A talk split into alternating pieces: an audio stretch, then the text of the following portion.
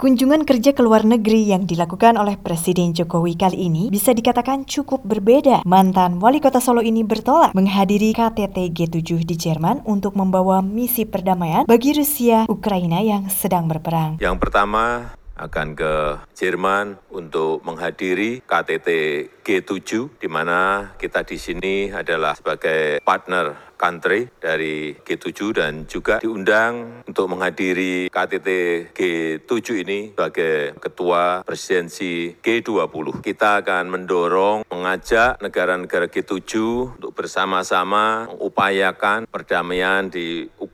Dalam KTT G7 tersebut, Jokowi juga akan mendorong ditemukannya solusi untuk menghadapi krisis pangan dan krisis energi yang sedang melanda dunia. Usai menghadiri KTT G7 di Jerman, Jokowi dijadwalkan terbang ke Ukraina untuk bertemu dengan Presiden Volodymyr Zelensky. Ia berharap pertemuannya kali ini dapat membuka ruang dialog untuk membangun perdamaian karena perang memang harus segera dihentikan. Selain itu, Jokowi juga akan berdialog dengan Zelensky terkait rantai pasok pangan yang harus segera diaktifkan kembali pasca terhambat akibat perang yang masih terjadi sampai detik ini. Dari Ukraina, ujar Jokowi, ia akan menuju Rusia untuk bertemu dengan Presiden Vladimir Putin. Dengan misi yang sama, Jokowi juga akan mengajak Presiden Putin untuk segera membangun ruang dialog dan sesegera mungkin untuk melakukan gencatan senjata dan menghentikan perang. Usai bertemu dengan Putin dan Zelensky, Jokowi juga direncanakan untuk melanjutkan kunjungan kerjanya ke Uni Emirat Arab guna membahas kerjasama ekonomi dan investasi dengan negara tersebut.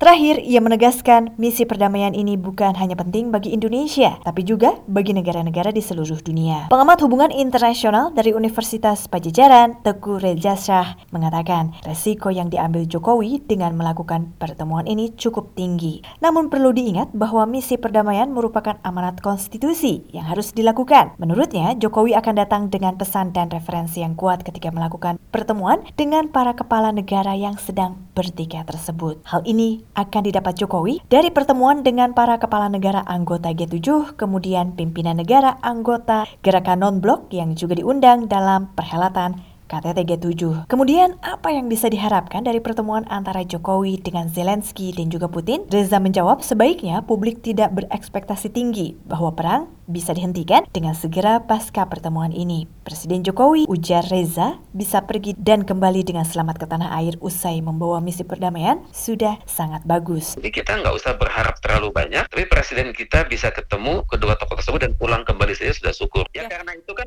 miskin informasi kan kita nggak sembarangan buka informasi ke publik kan. Ya semoga lah kita diplomasi ini berhasil dan ada ya di lorong terowongan itu semoga ada titik terang deh ya mudah-mudahan. Dari Jakarta Gita Inter melaporkan untuk VOA Washington.